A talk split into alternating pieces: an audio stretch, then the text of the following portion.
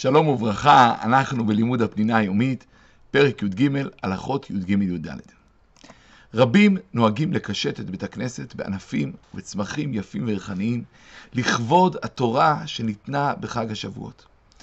וכיוון שהתורה מוסיפה חיים, נהגו לקשט את בית הכנסת בענפים מהצומח שמבטאים חיים.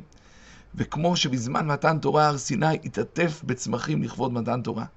ויש מניחים ענפים שיש בהם ריח, כדי להוסיף עונג ושמחה ולבטא את המעלה הרוחנית של התורה, שאמרו חכמים, מכל דיבור ודיבור שיצא מפי הקדוש ברוך הוא, נתמלא כל העולם כולו בשמים. ויש נוהגים להניח ענפי אילן, מפני שבחג השבועות נידונים על פירות האילן, ועל ידי ההנחה שלהם יזכרו להתפלל עליהם, אבל לא לוקחים ענפים של עצי פרי, כדי שלא לאבד בחינם את הפירות. ראשיתו של המנהג לפני כ-600 שנה באשכנז, ומשם התפשט לכל עדות ישראל. ספרדים ואשכנזים כאחד. אלא שהגאון מווילנה התנגד למנהג. משום שהוא דומה למנהג גויים שמקשטים את uh, בתיהם בעצים לכבוד חגם. והתורה ציוותה לא לחקות את מנהגיהם, שנאמר ובחקותיהם לא תלכו, ויש נוהגים על פיו. אבל לדעת רוב הפוסקים אין פגם במנהג. בגלל שהאיסור ללכת בחוקות הגויים הוא רק כאשר יש במנהג משום פריצות גדרי הצניעות והנבאה, או שהוא מנהג חסר כל טעם, והוא נעשה רק כחיקוי.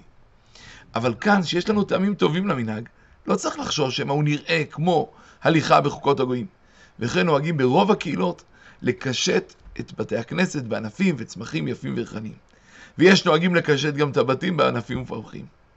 כיוון שענפים משמשים לנועים לא מוקצה. אלא שאם חג שבועות חל ביום ראשון, אסור להניח את זה בשבת, כי הרי לא מכינים משבת ליום טוב. רבים נוהגים עוד מתקופת הראשונים, לפני כ-600 שנה, לאכול בחג השבועות מאכלי חלב ודבש. מקור המנהג באשכנז וצרפת, ומשם מתפשט לקהילות רבות בישראל, אלא שיש גם כאלה שלא נוהגים בזה, כמו עולי תימן ולוב וג'רבה ובוכר ופרס. כמה וכמה טעמים נאמרו במנהג. יש אומרים כי התורה נמשלה לדבש וחלב, שנאמר דבש וחלב תחת לשונך. ואמרו חכמים, בשעה שעמדו לפני הר סיני ואמרו כל אשר דיבר השם, נעשה ונשמע, באותה שעה אמר להם הקדוש ברוך הוא, דבש וחלב תחת לשונך. כלומר, בזכות ההסכמה של ישראל לקבל את התורה, דברי התורה יהיו מתוקים כחלב וכדבש בפיהם. וכדי להזכיר את המתיקות והחביבות של התורה, אוכלים בחג השבועות עוגות חלב, טעימות ומתוקות ומאכלים מתוקים בדבש. עוד באר הרב קוק דבר נפלא, שחלב ודבש זה שני דברים שנוצרים מדברים טמאים. הדבש נוצר מדבורים, שזה שרץ טמא, והחלב נוצר מדם. ודווקא בגלל שהם מתהפכים מטומאה לטהרה, יש להם טעם מיוחד, שהם רומזים לתיקון העולם. וזה סגולתה של התורה, שהיא מתקנת את כל הצדדים הרעים שבעולם. מטבלת את היצר רע והופכת אותו לטוב. וזה אגב גם הסגולה של ארץ ישראל, שהיא נקראת ארץ זבת חלב ודבש דווקא. עוד טעם הזכירו שעל ידי אכילת מאכלי חלב יצטרכו להכין שני לחמים. אחד לאכול עם מאכלי חלב והשני לאכול עם מאכלי בשר, ויש בזה רמז לשתי הלחם שהיו מקריבים בשבועות.